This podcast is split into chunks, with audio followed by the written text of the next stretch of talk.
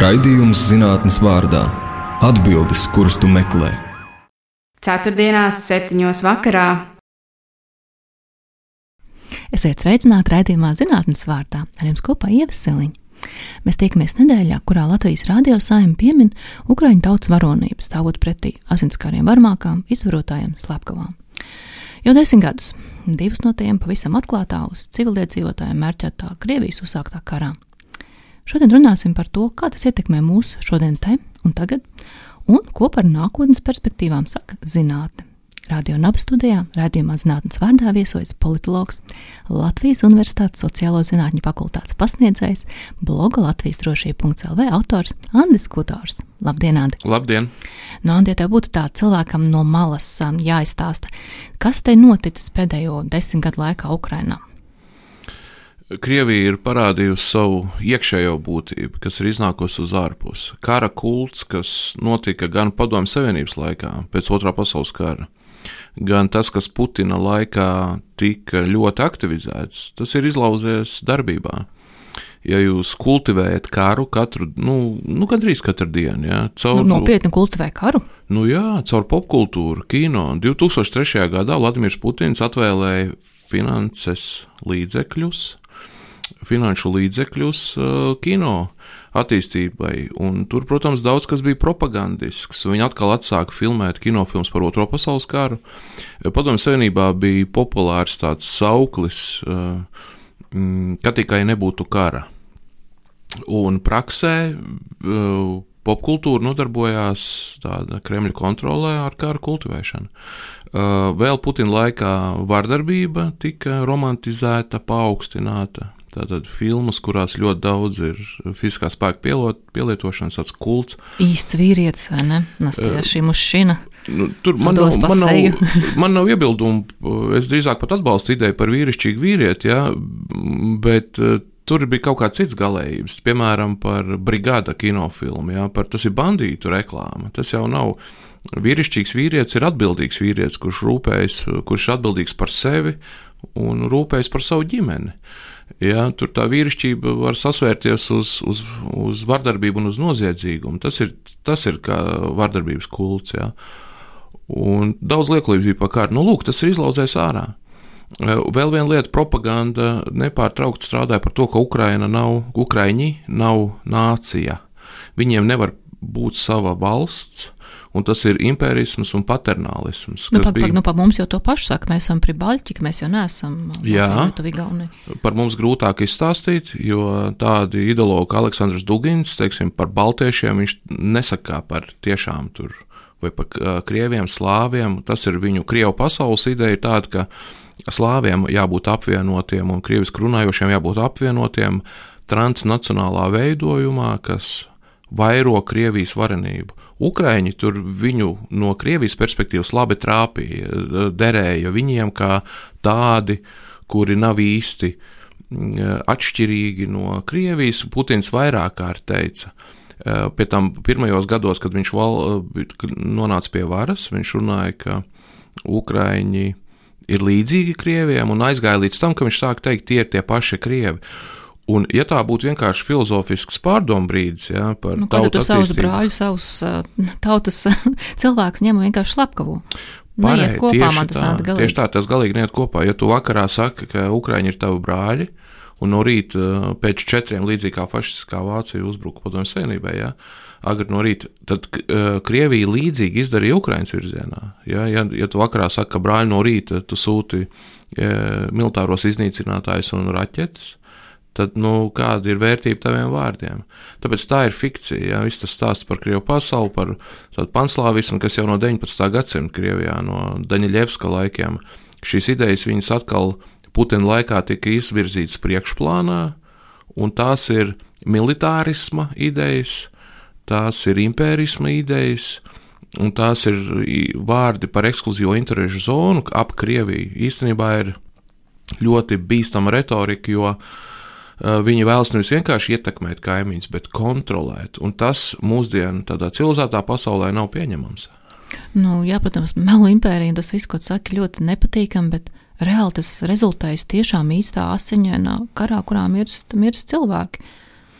Krievijā ir daudziem Es domāju, sabiedrībā ir tādas mentālas vērtību problēmas. Jā. Arī pēc otrā pasaules kara uh, Padomju Savienība nespēja kara veterāniem cieņpilnu dzīvi nodrošināt. Viņiem bija puķes un svētki, bet nebija īpaši, kur dzīvot, kaut kāda dzīvokļa. Varbūt bija, visi dzīvoja kopā, platības nepietika, naudas bija maz, pat ja bija veikalos, tur nevienmēr varēja nopirkt. Nu, lūk, un tad ir jāizpild ar propagandu. Un tad kara tēma bija viena no nācijas varenības tādām simbolizējošām tēmām, ļoti piesātinātām emocionāli.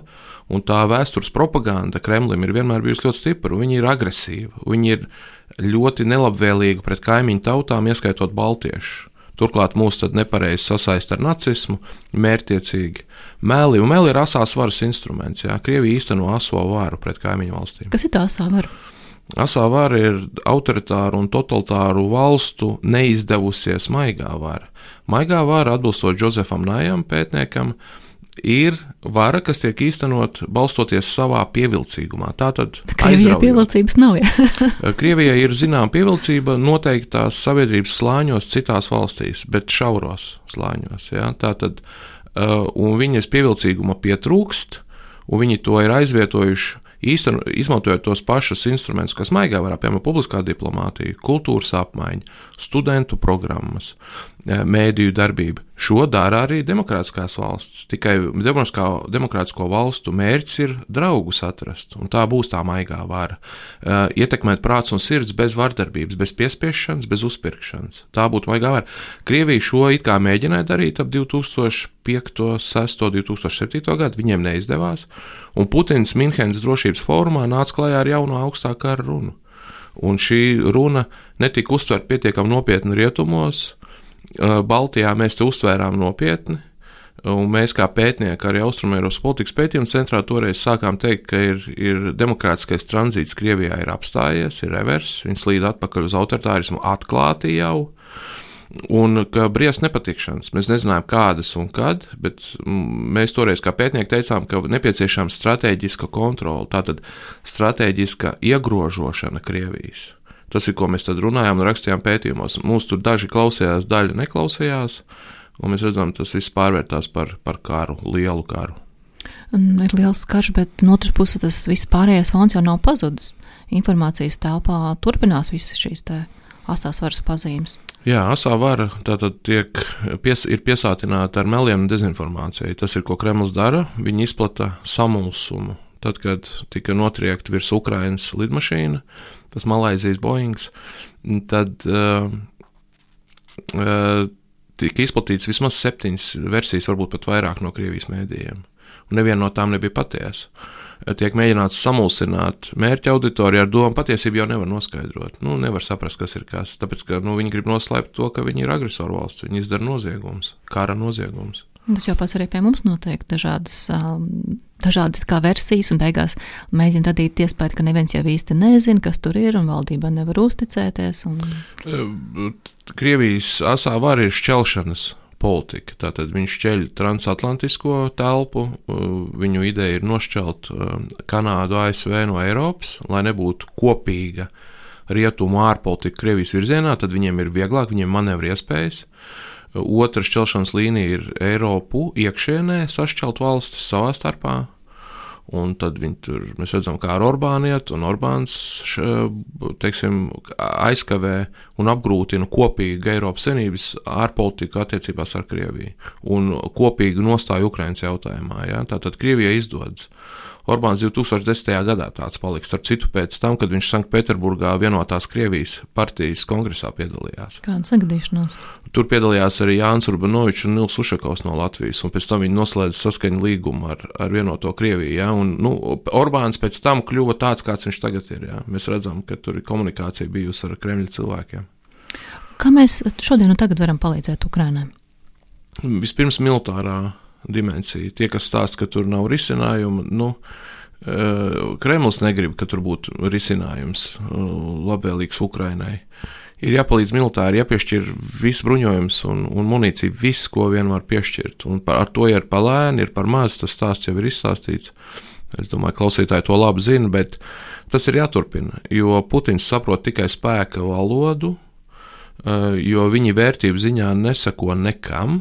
Kremļa cilvēki ir seko naudai un varai tādā ļoti burtiskā nozīmē, un viņi pievelk klāt dažādas skaistas idejas par to pašu Krievu pasauli, par brāļu tautām un par, par ko tikai vēl nē. Un, un īstenībā viņi ir vienkārši ciniski ideoloģiju izmantotāji. Viņi pat nav konservatīvi tādā nozīmē, kā Eiropas izpratnē. Ja Eiropa būtu nevis liberāla pārsvarā, bet konservatīva, tad es pieņemu, ka Kremlis teikt, ka viņi ir liberāļi. Viņiem vajadzēja vienkārši strateģiski apstādināt rietumu ietekmi Krievijā, jo viņi demokratizāciju un ekonomisko liberalizāciju Krievijā, tātad decentralizācija, ja, kad Gazproms nebūtu tik liels, viņš sadalītos, viņi to redz kā apdraudējumu Kremļa varai. Un tāpēc viņi lēma ideoloģiski krasi nostāties pret rietumiem, e, apelējot pie kaut kādiem pro-sovietiskiem pro, sentimentiem un līdzīgām lietām. Un pareizticība tika izmantot arī kā tāds um, ideoloģisks instruments, lai noskaņotu Krievijas sabiedrību pret rietumiem. Runā par tādiem krimināliem ģēnijiem, kas visu ir izskaidrojuši, vai tādiem cilvēkiem, kam vienkārši ir patrāpījies, ka viņi ir tur un viņi darīs, um, kas viņš šķiet pareizi. Vladislavs Surkovs, kurš bija Kremļa administrācijas vadītāja pirmais vietnieks, uh, viņš ir intelektuāls, viņš ir rakstnieks. Nu, tā kā izcelt, kāds būtu vienīgais intelektuālais cilvēks Kremlī. Tur ir vēl, bet nav daudz. Es teiktu, ka ir maz. Putina visa politika ir bijusi tāda, ka tur Krievijā pie varas ir viduvējības tie noteikti nav intelektuāļi. Uh, domas speakers, Valdins, tur, nu, kur nu, vajag paklausīties tikai. Ja? Nu, tur ir. Man pat, man pat ne, nevēl, pat nevēlos komentēt, ja, un Putins pats arī nav īpaši liels intelektuāls. Viņam tur, viņu propaganda viņu pasniegs kā lielu stratēģi. Nu, nav. Viņi, viņi iebruka Ukrainā bez normālas kalkulācijas. Es toreiz prognozēju, ka lielā kara nebūs, jo es spriedu par Putinu kā par racionālu būtni. Tā bija mana kļūda. Ne tikai mana, bet uh, visi Krievijas eksperti par Krieviju, kas pēta, mm, uh, neparedzēja lielo karu. Tāpēc, ka bija skaidrs, ka tas būs neizdevīgi Krievijai, tas būs neizdevīgi pašam Putinam. Un vēl, ka viņi nespēs iekarot. Tādā ziņā, ka tiem 200 tūkstošiem cilvēku, kas bija savilkti pie robežas, to bija pamaz. Tāpēc, ka bija redzams, ka pēc 2000, karš sākās 2014. gadā, Ukraiņi bija attapušies no tā samulsuma, kas bija Krimas aneksijas laikā. Viņi bija uzturnējušies karot, viņi bija sagatavojuši aizsardzības līnijas vairākas, uh, viņi bija psiholoģiski gatavi. Ja? Viņi teica, 14. gada martā nebija gatavi karot, daļa bija, daļa nebija. Pa šiem gadiem viņi bija uzturējušies. Bija redzams, ka arī ar tiem spēkiem nepietiks un nepietika. Viņi nespēja ieņemt Ukrajinu. Lūk, e, Krievijas spiegi sazagās, piektā pārvalde FSB, kam bija jānodrošina aģentūras uzpirkšana, sagatavošana, lai ar ziediem sagaidītu Krievijas karaspēku, nesagaidīja. E, tāpēc, ka tur pa ceļam viņi sazagās, tos ģenerāļus noņēma no amata, pēc tam, kad izrādījās, ka ka bruņotie spēki bija dusmīgi, Krievijas bruņotie spēki bija dusmīgi uz spēcdienestiem, ka tie nav iedavuši objektīvu informāciju. Autoritārs režīms ir saturnējis, tur ir korupcija, viņš zog tanku vienas nodaļas, tās bāzes komandieris nošāvās, kad viņam bija tanki jāsūta. Tāpēc, ka bija izzaguši. Tas ir šausmīgi, šausmīgi šokējoši un nepatīkami dzirdēt visu, gan to murgu, kas notiek tur iekšpusē, gan kā tas uh, diemžēl ietekmē mūs visus. Vai tev ir kāds prognozes, kāds attīstīsies nākotnē? Šis ir grūti, jo politikas zinātne nav fizika, kur laboratorijā var teiksim, 90 reizes taisīt eksperimentu. 91. reizē droši teikt, būs tā, tāpēc ka ir, visa sistēma ir slēgta.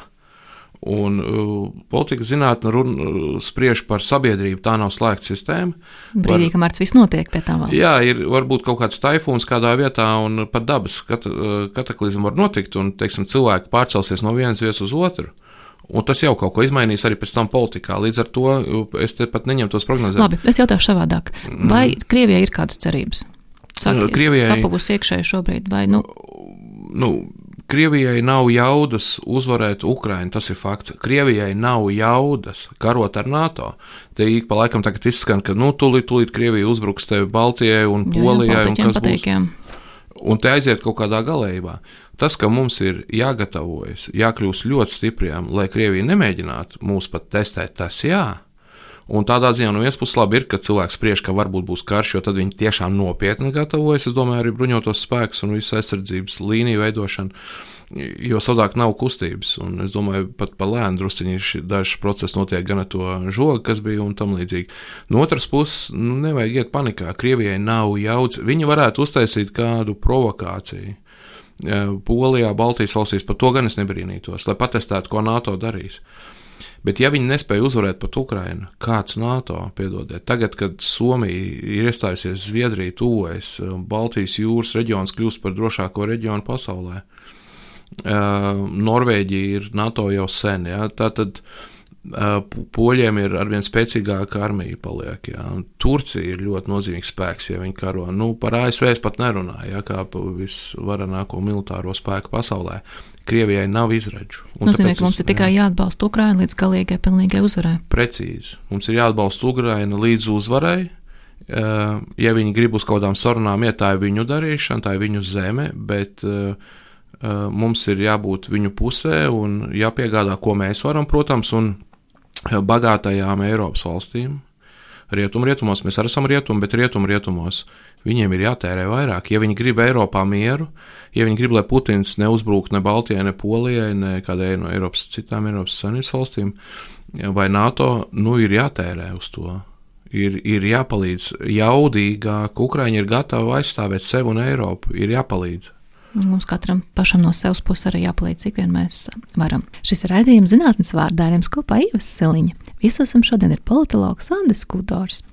Mūsu raidījumā katru ceturtdienu viesojas kāds zinātnieks, viens par otru interesantāk, bet saki, vai arī Krievija un Kremli interesē mūsu zinātnieki? Jā, protams. Mēs redzam, ka vairāk gadu garumā rietumu pētnieki daļa Arī Amerikā es biju gadu Džordža Vašingtona Universitātē kā viespētnieks, un es redzēju, ka nu, tur universitātē bija ļoti laba analīze par Krieviju. Tur ir eksperti, tur Marlēna Laruēla ir un Roberts Ortnungs, un tie ļoti objektīvi redz, kas ir Krievija, kas ir Putins. Bet pirms tam es vēl viesojos dažādos fondos un domnīcās Vašingtonā, un daļa pētnieku sevišķi pirms 22. gada, jā, sevišķi pirms 2014. gada bija tādā naivumā, viņi sagaidīja, ka demokrātiskais tranzīts tomēr Krievijā turpināsies vai atjaunosies un tam līdzīgi. Tā teikt, mērī Krieviju pēc savas vērtības sistēmas, nevis pēc tā, kas tur notiek patiesībā? Jā, jo Tā es tagad druskuļi vispārināšu, kas ir bīstama lieta, bet tomēr es teiktu tā, ka tāds vidējais amerikānis ir godīgāks par, par, par to, kas notiek Krievijā, par daļu Krievijas pilsoņu. Viņi nespēja noticēt, ka tik spilgti var melot. Es Helsinkos biju hibrīdu draudu novēršanas centrā vienā pasākumā. Un tad tur bija gan amerikāņi, gan dažādi citu rietumu valstu eksperti, es viņiem teicu, jūs lūdzu nenovērtiet par zemu uh, Krievijas propagandistu un dezinformātoru spējas melot. Nekaunība drīzāk. Kā lūdzu? Nekaunība. Nekaunība ir, protams, tur taču ir teiciens, ka nekaunība ir otrā laime vai kaut kā tam līdzīga tas skanēja. Pat varbūt tā ir mūsu atbildība. Mēs uh, zinām, kas ir, kas Krievijā notiek. Varbūt mums ir jāskaidro pārējai pasaulē tiem cilvēkiem, kam nav okupācijas pieredzes. Mēs to darām. To dara Latvijas diplomāti, to dara Latvijas pētnieki, kuri brauc uz ārvalstīm un Es biju ilgstoši Austrumēropas politikas pētījuma centra izpildirektors un pētnieks. Un mēs piedalījāmies daudzos pasākumos, kā Eiropā, tā Amerikas Savienotās valstīs, un mēs skaidrojām. Un uh, daļa klausījās un saprata, un daļa tomēr bija kaut kādā tajā, tādā naivumā un nezināšanā par Krieviju, un uzskatīja mūs par kaut kādiem tur nacionālistiem, kas kaut ko ir apvainojušies uz Padomju Savienību un tam līdzīgi. Un izrādījās, ka mums ir taisnība. Uh, kad mēs teicām, ka, ka Krievijā briest eh, slikts lietas un ka viņus vajag strateģiski iegrožot, ja, tad, nu, tad daļa klausījās, daļa neklausījās. Ja. Ir Edvards Lukas, kurš jau sen bija ar nostāju. Viņš teica, vajadzēja klausīties austrumēropiešu, tie viņu vārdi. Ja. Viņu pašu arī vajadzēja klausīties, jo viņš bija tas, kurš nāca ar grāmatu klajā, ka jaunais augstais karš, ja. vai ir jaunais, jaunais, vai ir jaunais augstais karš ar Krieviju. Tas bija sen jau. Tepat Latvijā bija, es nesaukšu vārdā, viens eksperts, uh, kurš tagad ir vienā amatā ārlietu ministrijā, un viņš strīdējās ar Edvardu Lukas. Un viņš slavēja Dmitriju Treņinu, viena cita Krievijas pētnieka, viedokli un grāmatu. Viņam bija grāmata Saprast Krieviju, un ir aizdoms par ļoti nozīmīgu sadarbību starp Treniņu un Kremlu un vēl vienu institūciju Krievijā. Un šie ir tie baloži Kremļa, kas runāja tā rietumos. Pētnieki, ieskaitot Dmitriju Treņinu, piemēram, un Saims, kurš arī bija Amerikas Savienotās valstīs, viņi teica tā, no nu, ar Putinu jārunā. Ar Krieviju jārēķinās, tā taču ir kodolvalsts, viņi taču ar viņiem vajag runāt. Un tas ir, ko tagad dara Takers Karlsons, atkal vajag runāt. Nu, šie ir tie, kas reāli palīdz. Ar teroristiem runātiem. Un tas ir tāds balo, Kremļa baloži ir bīstamāki par Kremļa vanagiem. Tie, kas atklāti aizstāv uh, Kremli, viņi ir skaidrāk redzami, visi zina, ka viņi ir prokremliski. Tie, kas ir baloši, tie saka, Krievu valodā tas skan kā kaķim Leopoldam, Davaķi žīt družna, tātad dzīvosim draudzīgi, jā, bija multiplikācijas filma. Un šie ir vēl bīstamāki, jo viņi ļauj maskēties Kremlim, jā, tas vilks ir avju drānās tad. Un mekl, meklēt aģentūru augstskolās, tas ir Krievijas spēcdienestu metode, protams.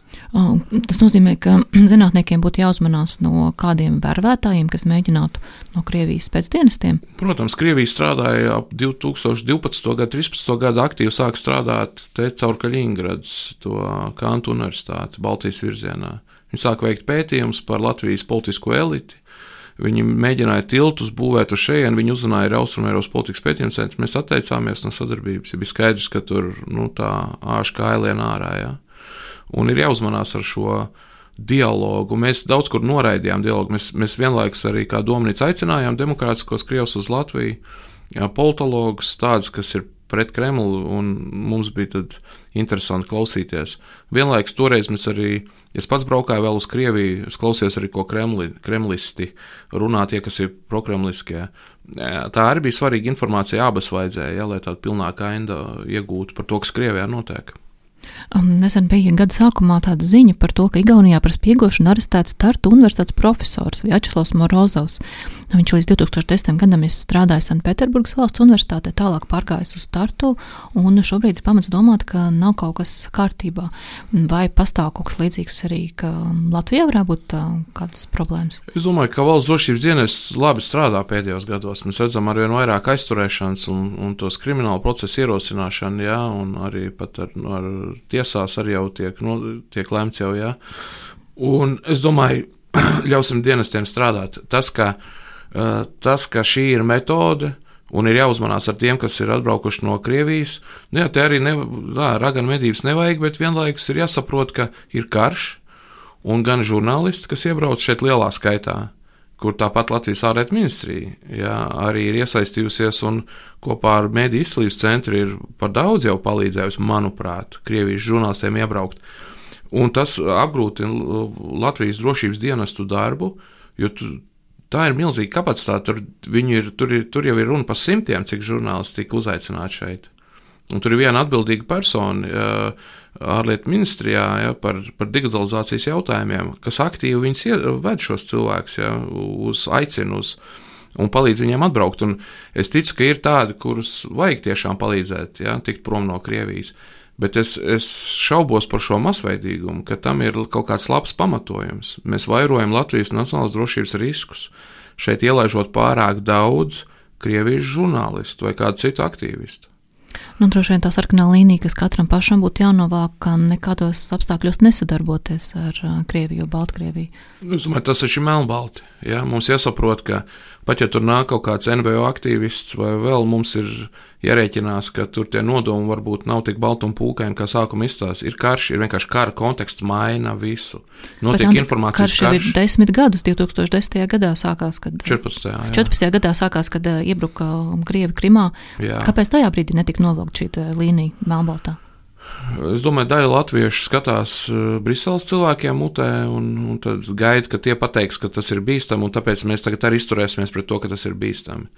Mēs Austrumēropas politikas pētījuma centrā jau runājām, jau sākot no 2007. gada, jau ar pirmo pētījumu mēs skaidrojām, ka Kremļa iet, ietekme šeit ir destruktīva, tā kavē Latvijas saliedētību, tā politizējusi ir krievu valodas un latviešu valodas jautājumu, un, un ir, dro, Krievija bija drošībojusi kultūras un reliģijas jautājums. Tur mm, kā jau es teicu, sākumā, ka Krievijai nav maigās varas, tā ir asā vara.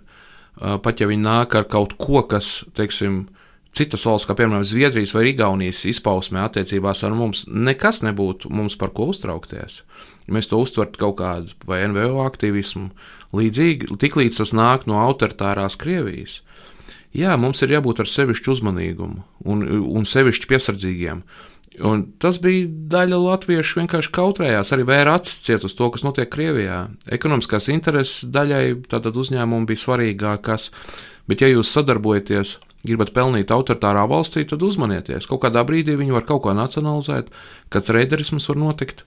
Mm, kaut kur var prasīt uh, kukuļus, un uzņēmēji, kas tagad sadarbojas ar Krieviju, Tur arī viņi var pārvērsties par Kremļa lobbystiem, jo viņiem ir savs intereses. Tāpēc es būtu par to, ka jo mazāk mums ir komunikācijā Krievija karā laikā, jo labāk.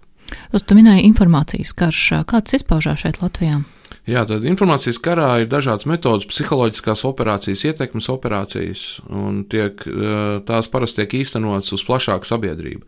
Tad, kad notiek karstais karš, kas notiek tātad konvencionālais karš Ukrainā, tad paralēli vienmēr notiek arī informācijas karš, kurā ir trīs lielās auditorijas. Pirmā Tātad Krievija cenšas ietekmēt Ukraiņas kareivjus, mazināt viņu cīņas spāru un, un Ukraiņas sabiedrību mazināt atbalstu vēlmei aizstāvēties pret Krievijas agresiju.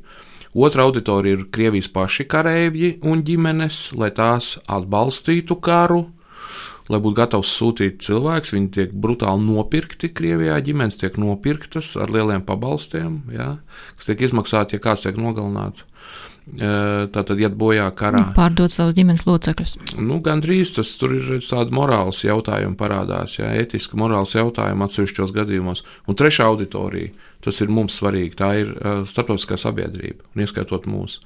Lai mēs nostātos Krievijas pusē, un tas ir informācijas kara operācijas, lai mēs neatbalstītu Ukrainu, jo Ukraina ir ļoti atkarīga no rietumu palīdzības.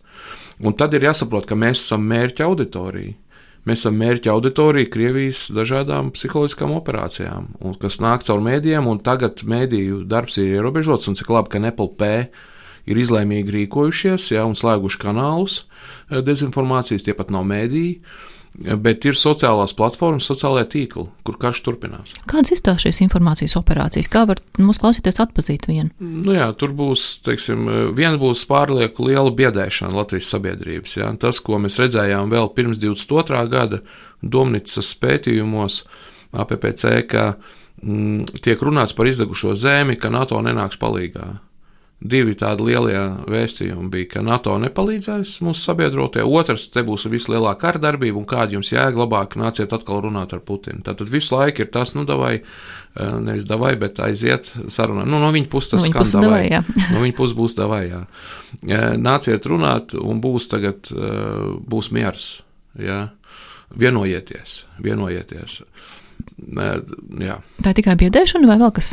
Vēl kāda narratīva, ka mēs varam atpazīt šādu informācijas kara operāciju? Tas, ko Putins nu pat mēģināja Karlsona intervijā, stāstīt to, ka Ukraiņa nav nācija, Krievijai ir leģitīms intereses. Nu, te jau mēmes parādās sociālajos tīklos smieklīgs, kur Mongolija saka, šo tēmu lūdzu neuzsāciet, ja, jo Ordai ir piederējis, ja, Kazaņa gal galā ir bijusi tur vienu brīdi. Zelta ordas galvaspilsētā, ja, un tā ir Krievijas sastāvdaļa.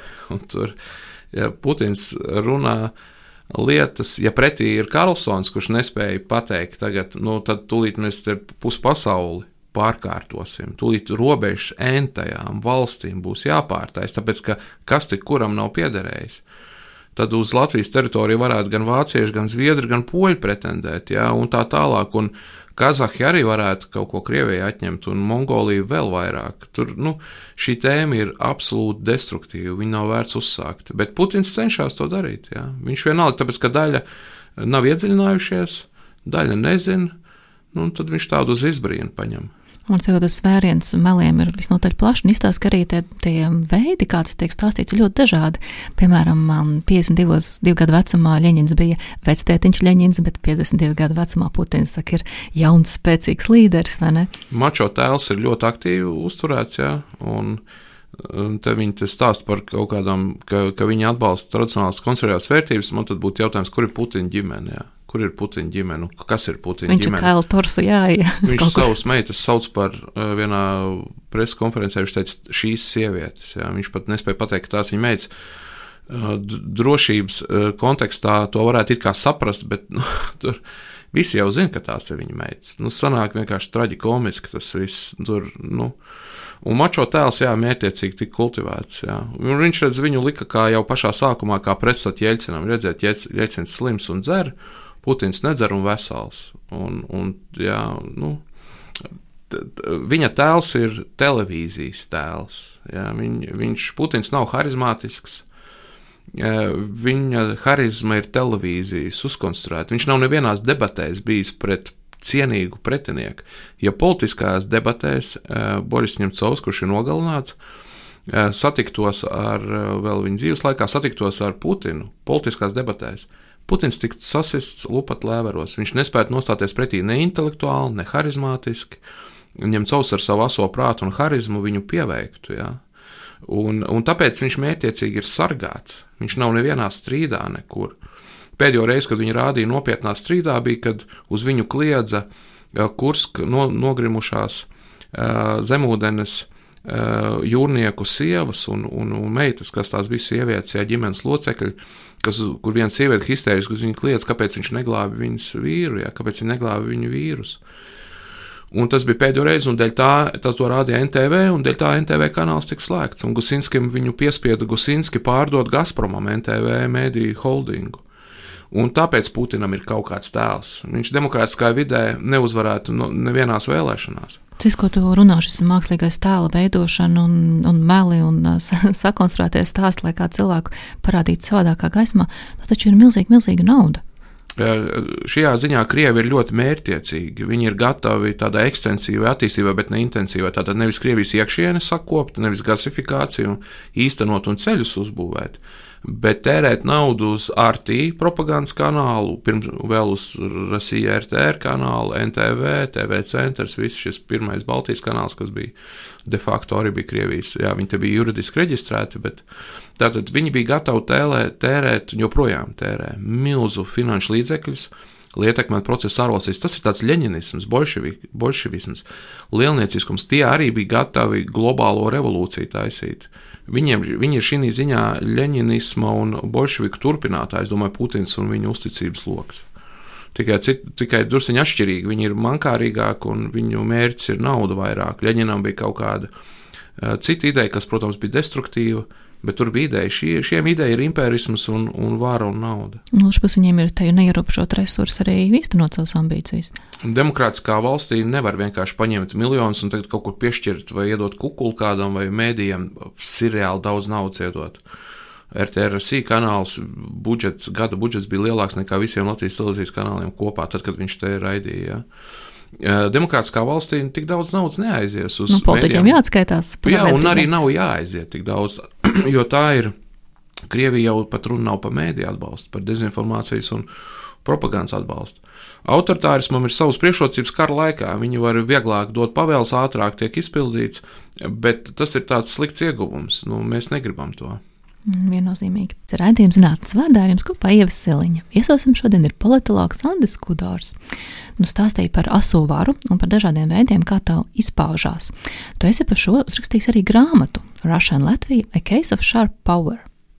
Pastāstīs lūdzu vairāk par to. Jā, es biju Džordža Vašingtona Universitātē viespētnieks un mm, pat, pateicība no manas puses Baltijas Amerikas Brīvības fondam Baltic American Freedom Foundation, Ilzai Doškinai, kā tur Baltijas tās programmas vadītājai, par to, ka man tā stipendija tika piešķirta, un es varēju gadu dzīvot Vašingtonā un, un veltīt uzmanību grāmatas rakstīšanai. Kamēr tu esi Rīgā, tad ir daudz citu darīšanu. Jā, amerikāņiem izstāstīt arī par, par Krieviju?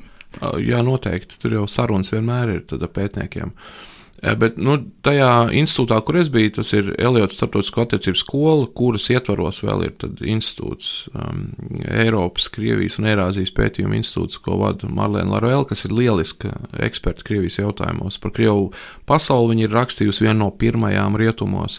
Es viņu cienu par to. Uh, lūk, un tad tur es rakstīju grāmatā par Krievijas asovaru Latvijā, jo Es speciāli gribēju, ka ir tikai Latvijai uzmanība, jo parasti tajos lielajos pētījumos tie finansējuma devēji parasti grib kaut ko lielāku, jo tā mazā Latvija viņu mazāk zina, nav tik liela uzmanība. No Amerikā noteikti. Jā. Un tieši tā. Un tāpēc es šoreiz gribēju, nu nē, Latvi, Latvijai ir jābūt iespējai savu vārdu pateikt, un tā bija tāda arī Latvijas pozīcijas paušana. Es to grāmatu redzu ne tikai kā zinātnisku darbu, bet arī kā tādu Latvijas publiskās diplomātijas soli.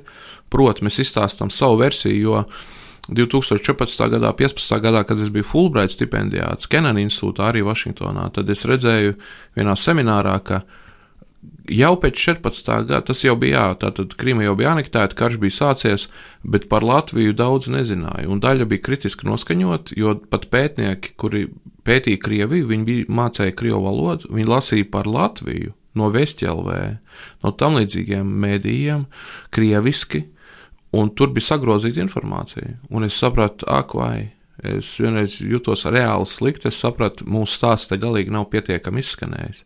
Tad tā grāmata bija daļai kā reakcija uz to, ko es biju piedzīvojis vienā seminārā Vašingtonā. Es sapratu, tas ir jālabo, un es priecājos, ka Britu izdevniecība Routledge nopublicēja. Tā ir tāda politologiem zinām izdevniecība, un, un tur ir tāds sirds, un tur ir daudz redaktoru, un tas teksts tiek apstrādāts, pārbaudīts. Un, Es esmu ļoti gandarīts, ka tas izdevās. Man arī palīdzēja tas, kas bija Vašingtonā, un es tad runāju ar, ar vienu pētnieku, kurš arī tajā Routledge bija publicējis jau grāmatu. Man vienkārši bija labi padomdevēji.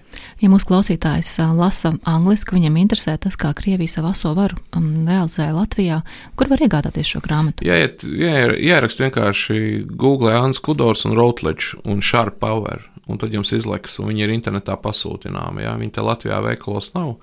Viņi ir dārgi, salīdzinoši. Tas ir viņu cenu politika, kas nav saistīta ar mani. Dārgie lasītāji, piedodiet to cenu, bet var nopirkt e-grāmatu par sasniedzamu cenu. Ja tātad to e-vidē, eh, es domāju, tas var noderēt reāli studentiem. Es viņu rakstīju arī daļēji gan rietumu auditorijai, gan Latvijas studentiem, lai būtu vienopus tas, ko Krievija cauri gadiem ir darījuši. Gan kultūras ziņā, es domāju, kā asāsvaras kontekstā, tautiešu politikas, mēdīju, baznīcas, pat humoru, kā viņi ir izmantojuši, kā viņi vēstures propagandu izplatījuši.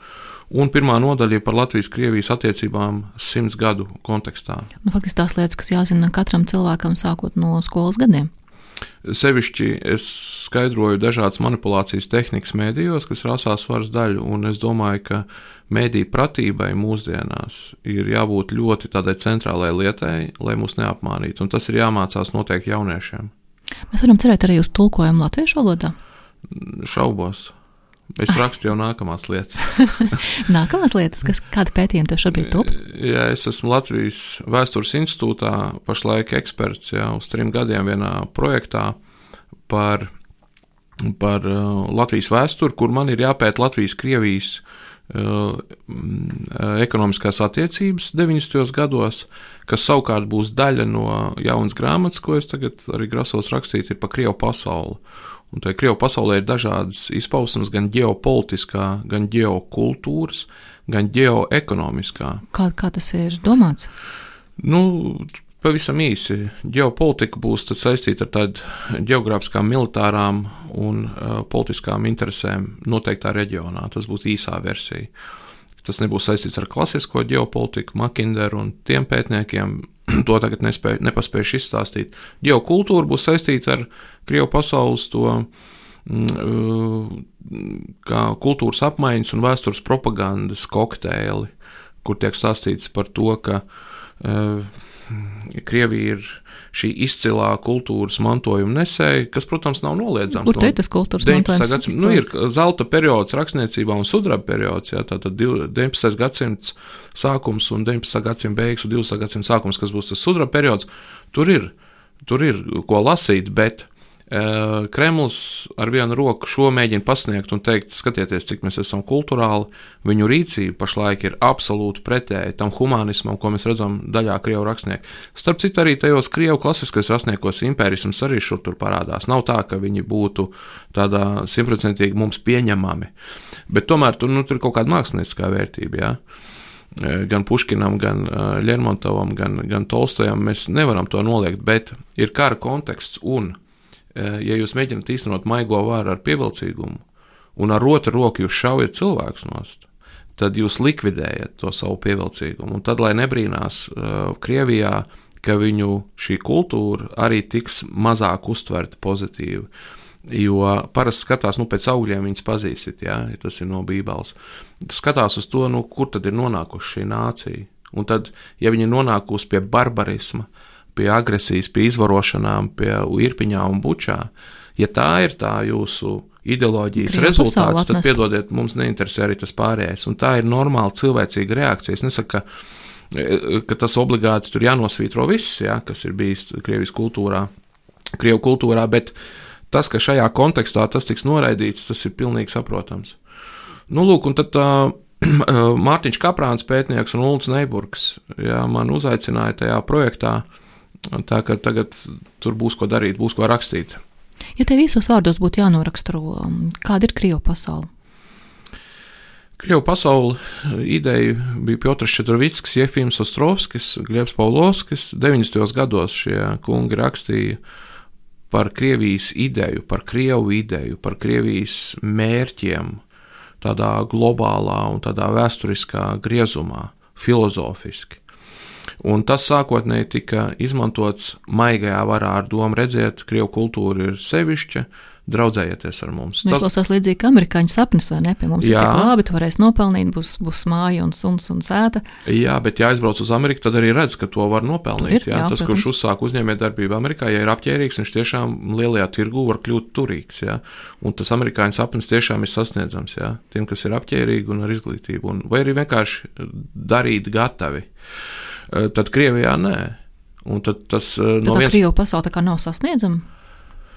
Eh, Krievija pasaule ir retrospektīva. Viņi runā par kaut kādām kultūras un humanismu vērtībām, kas ir piemēram viņa literatūrā bijušas. Kas, Pirms kas, 200 gadiem? Kas īstenībā, jā, kas īstenībā ir bijuši opozīcijā reālajai, arī caristiskai Krievijai. Bet, ja mēs iedziļināmies, kāds bija Pēters I, piemēram, valdnieks, Ak, vai. sadistisks, slepkava, Dzērājs. Dzērājs, piedodiet. Izvirtuls. Un tā tālāk, jā, tur ir. Uh, mums ir viens, ko viņi pasniedz. Es pētīju, kad studēju universitātē, es pētīju politiskās domas attīstību Krievijā 19. gadsimtu, jo sevišķi ļoti interesants. Es pētīju, ko slavofili darīja, ko, ko runāja un ko rakstīja pareizāk. Ko neoslavofili rakstīja, pēc tam, ko eirāzisti darīja jau 20. un 30. gados, pēc tam neoeirāzists Dugins jau. Ja.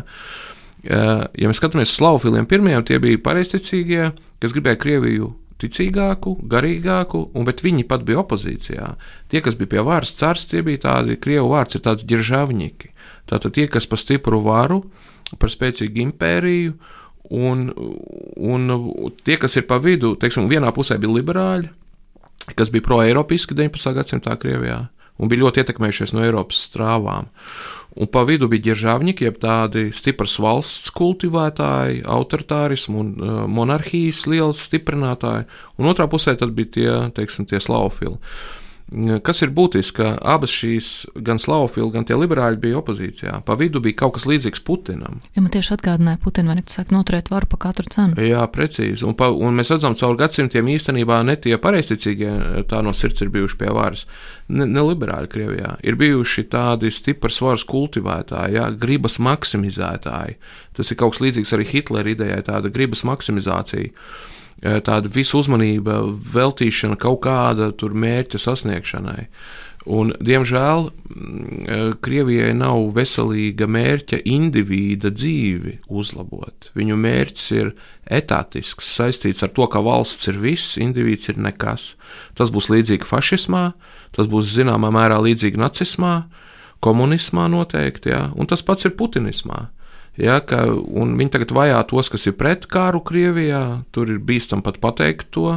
Var nonākt cietumā burtiski ja, par savu Vladimirs Karamūrzā, ko es cienu un pazīstu, ir Krievijas politiķis, demokrātiskais. Viņu iesēdināja cietumos 25 gadiem. Tas ir Staļina lēģeru termiņš - 25 gadi par to, ka tu esi pret kāru ja, un pret, pret Putina režīmu. Nu, lūk, ar kādu režīmu mums tagad ir darīšana kaimiņu valstī.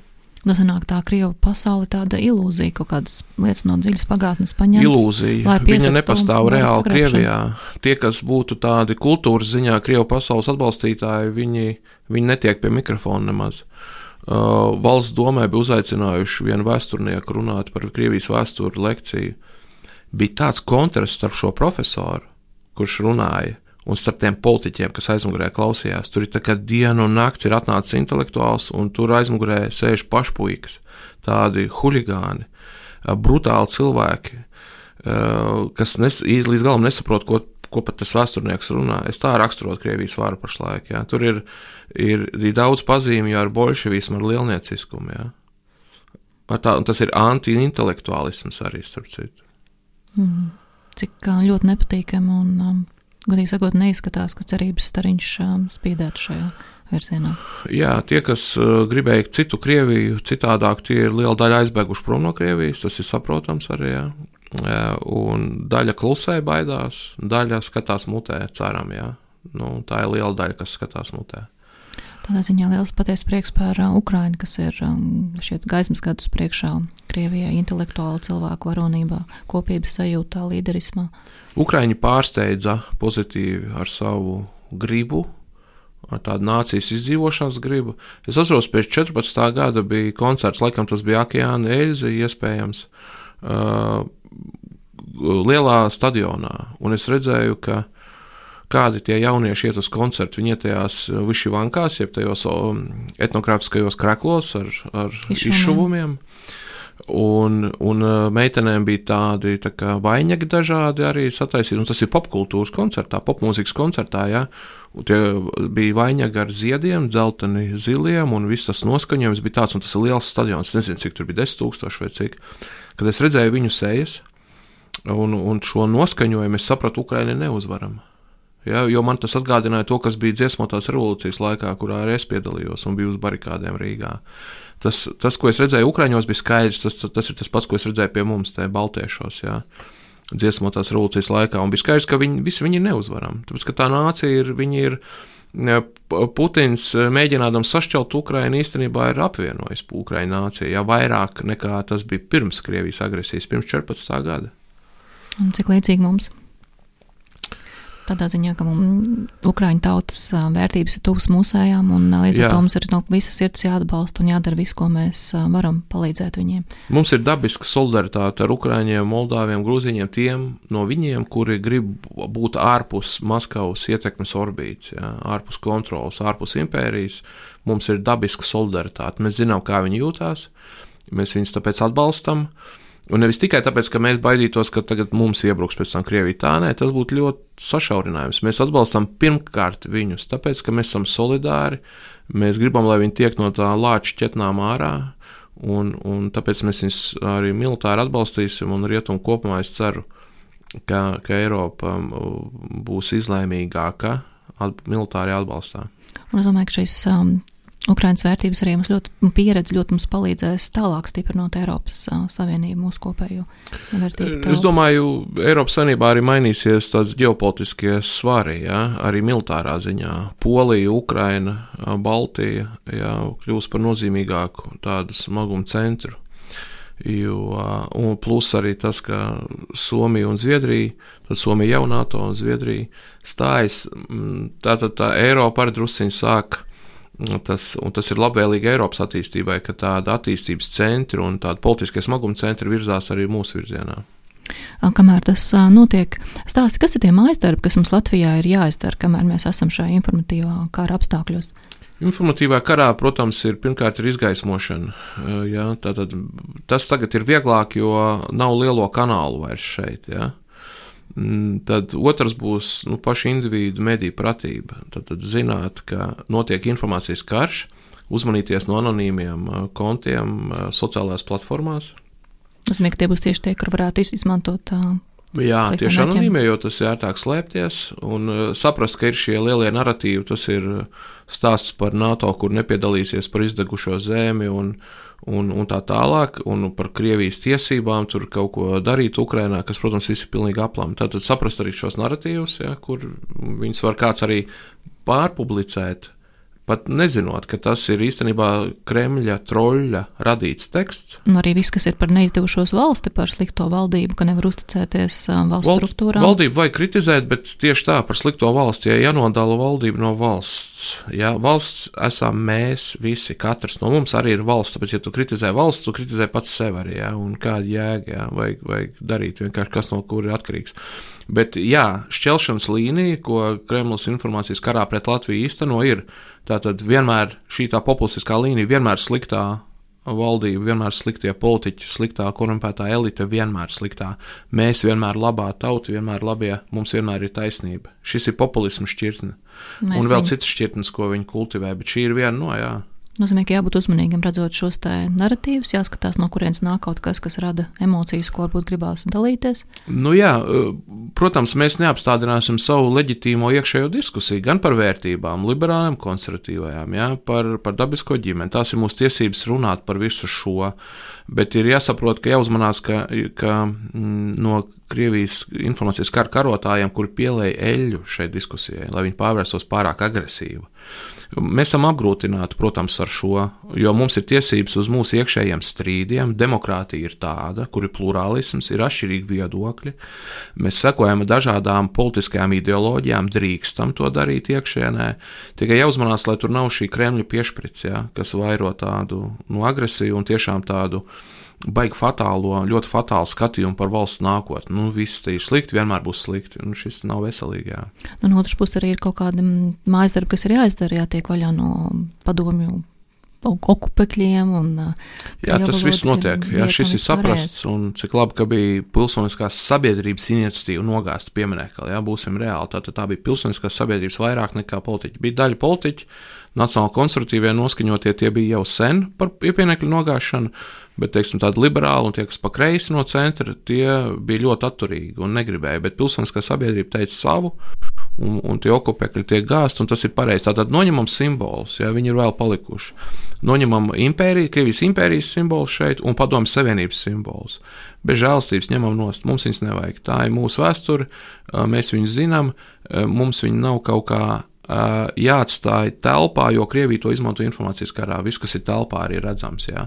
Ar atgādinājumu redziet, mēs te bijām. Nu, jūs te bijāt, bet mēs jūs vairs negribam, es domāju, to okupācijas varu. Mums, ir jāstāsta tas, kas patiesībā šeit uh, notika. Jā, vēsture, es domāju, tāpēc jāturpina arī pētīt vēsturi un izskaidrot to, jo Putins runā par vienpusēju skatījumu vēsturē, viņš viņu rāda piepucētu no savas puses, melīgu arī par Krieviju Mēs tā ne. Tāpēc ir jātīst akadēmiskā vēsture, kas stāsta patieso stāstu. Tas, kas mums ir bijis slikts, slikts to mēs ņemam par mācību paši sev, piemēram, kolaborācijā ar padomju režīmu, ja? kas ir bijis labs, ar to lepojamies, bet neko nesvītrojam ārā. Tieši tā. Nobeigumā, ko tu novēlēsi Ukraiņai un ko mums? Ukraiņiem es novēlu drosmi. Tā viņiem jau ir, un vēl vairāk drīzāk izturību. Izturību, jā, un, un nu, Tas ir traģiski, viss, ka šādi noticis. Tas ir tik traģiski, ka tāds režīms ir blakus, ka cilvēkiem jāiet bojā. Vienkārši es viņam varu nolaist tikai izturību, es nezinu, ko citu. Dievs tev klāt. Jā, tieši tā.